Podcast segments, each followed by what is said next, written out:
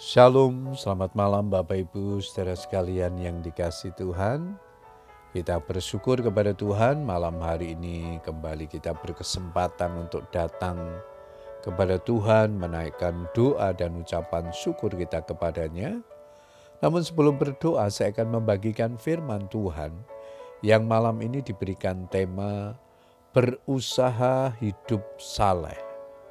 Ayat mas kita di dalam Mazmur 37 ayat 18 firman Tuhan berkata demikian, Tuhan mengetahui hari-hari orang yang saleh dan milik pusaka mereka akan tetap selama-lamanya.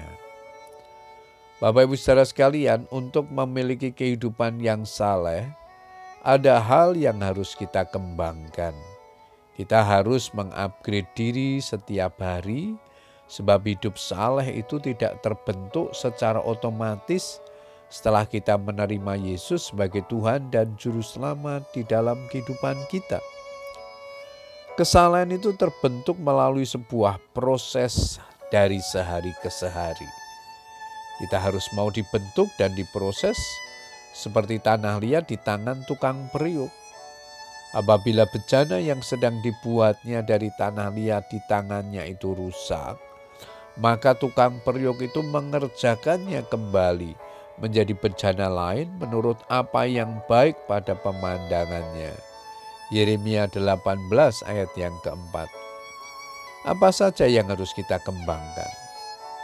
Rasul Petrus mengatakan, kamu harus dengan sungguh-sungguh berusaha untuk menambahkan kepada imanmu kebajikan dan kepada kebajikan pengetahuan dan kepada pengetahuan penguasaan diri, kepada penguasaan diri ketekunan dan kepada ketekunan kesalehan dan kepada kesalehan kasih akan saudara-saudara dan kepada kasih akan saudara-saudara kasih akan semua orang.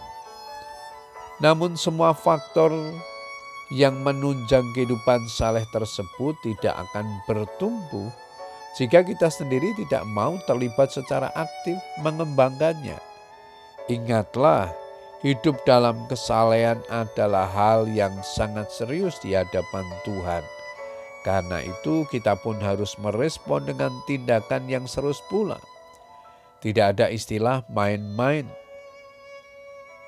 Ayub meskipun mengalami penderitaan yang teramat berat, harta bendanya ludes dan semua anaknya mati, ia tetap berjuang untuk menjaga kesalehan hidupnya. Bahkan istrinya sampai berkata, masih bertekunkah engkau dalam kesalehanmu? Kutuklah Allahmu dan matilah. Tetapi jawab Ayub kepadanya, Engkau berbicara seperti perempuan gila Apakah kita mau menerima yang baik dari Allah, tetapi tidak mau menerima yang buruk? Dalam kesemuanya itu, Ayub tidak berbuat dosa dengan bibirnya.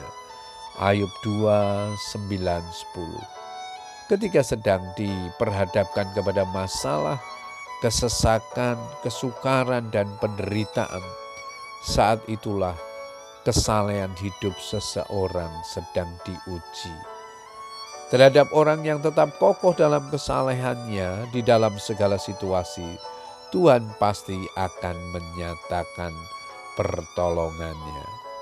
Puji Tuhan, Bapak Ibu saudara sekalian, ialah kebenaran firman Tuhan yang kita baca dan renungkan malam hari ini, mengingatkan kita kembali untuk terus berjuang dalam hidup ini, berjuang untuk hidup saleh, berjuang untuk hidup berkenan di hadapan Tuhan, berjuang untuk hidup seturut dengan firman Tuhan, seperti yang Tuhan mau di dalam kehidupan kita. Karena hanya orang-orang yang demikian yang akan mendapatkan pembelaan daripada Tuhan, yang akan mendapatkan perhatian dan pertolongan daripadanya. Puji Tuhan, selamat berdoa dengan keluarga kita Tetap semangat berdoa.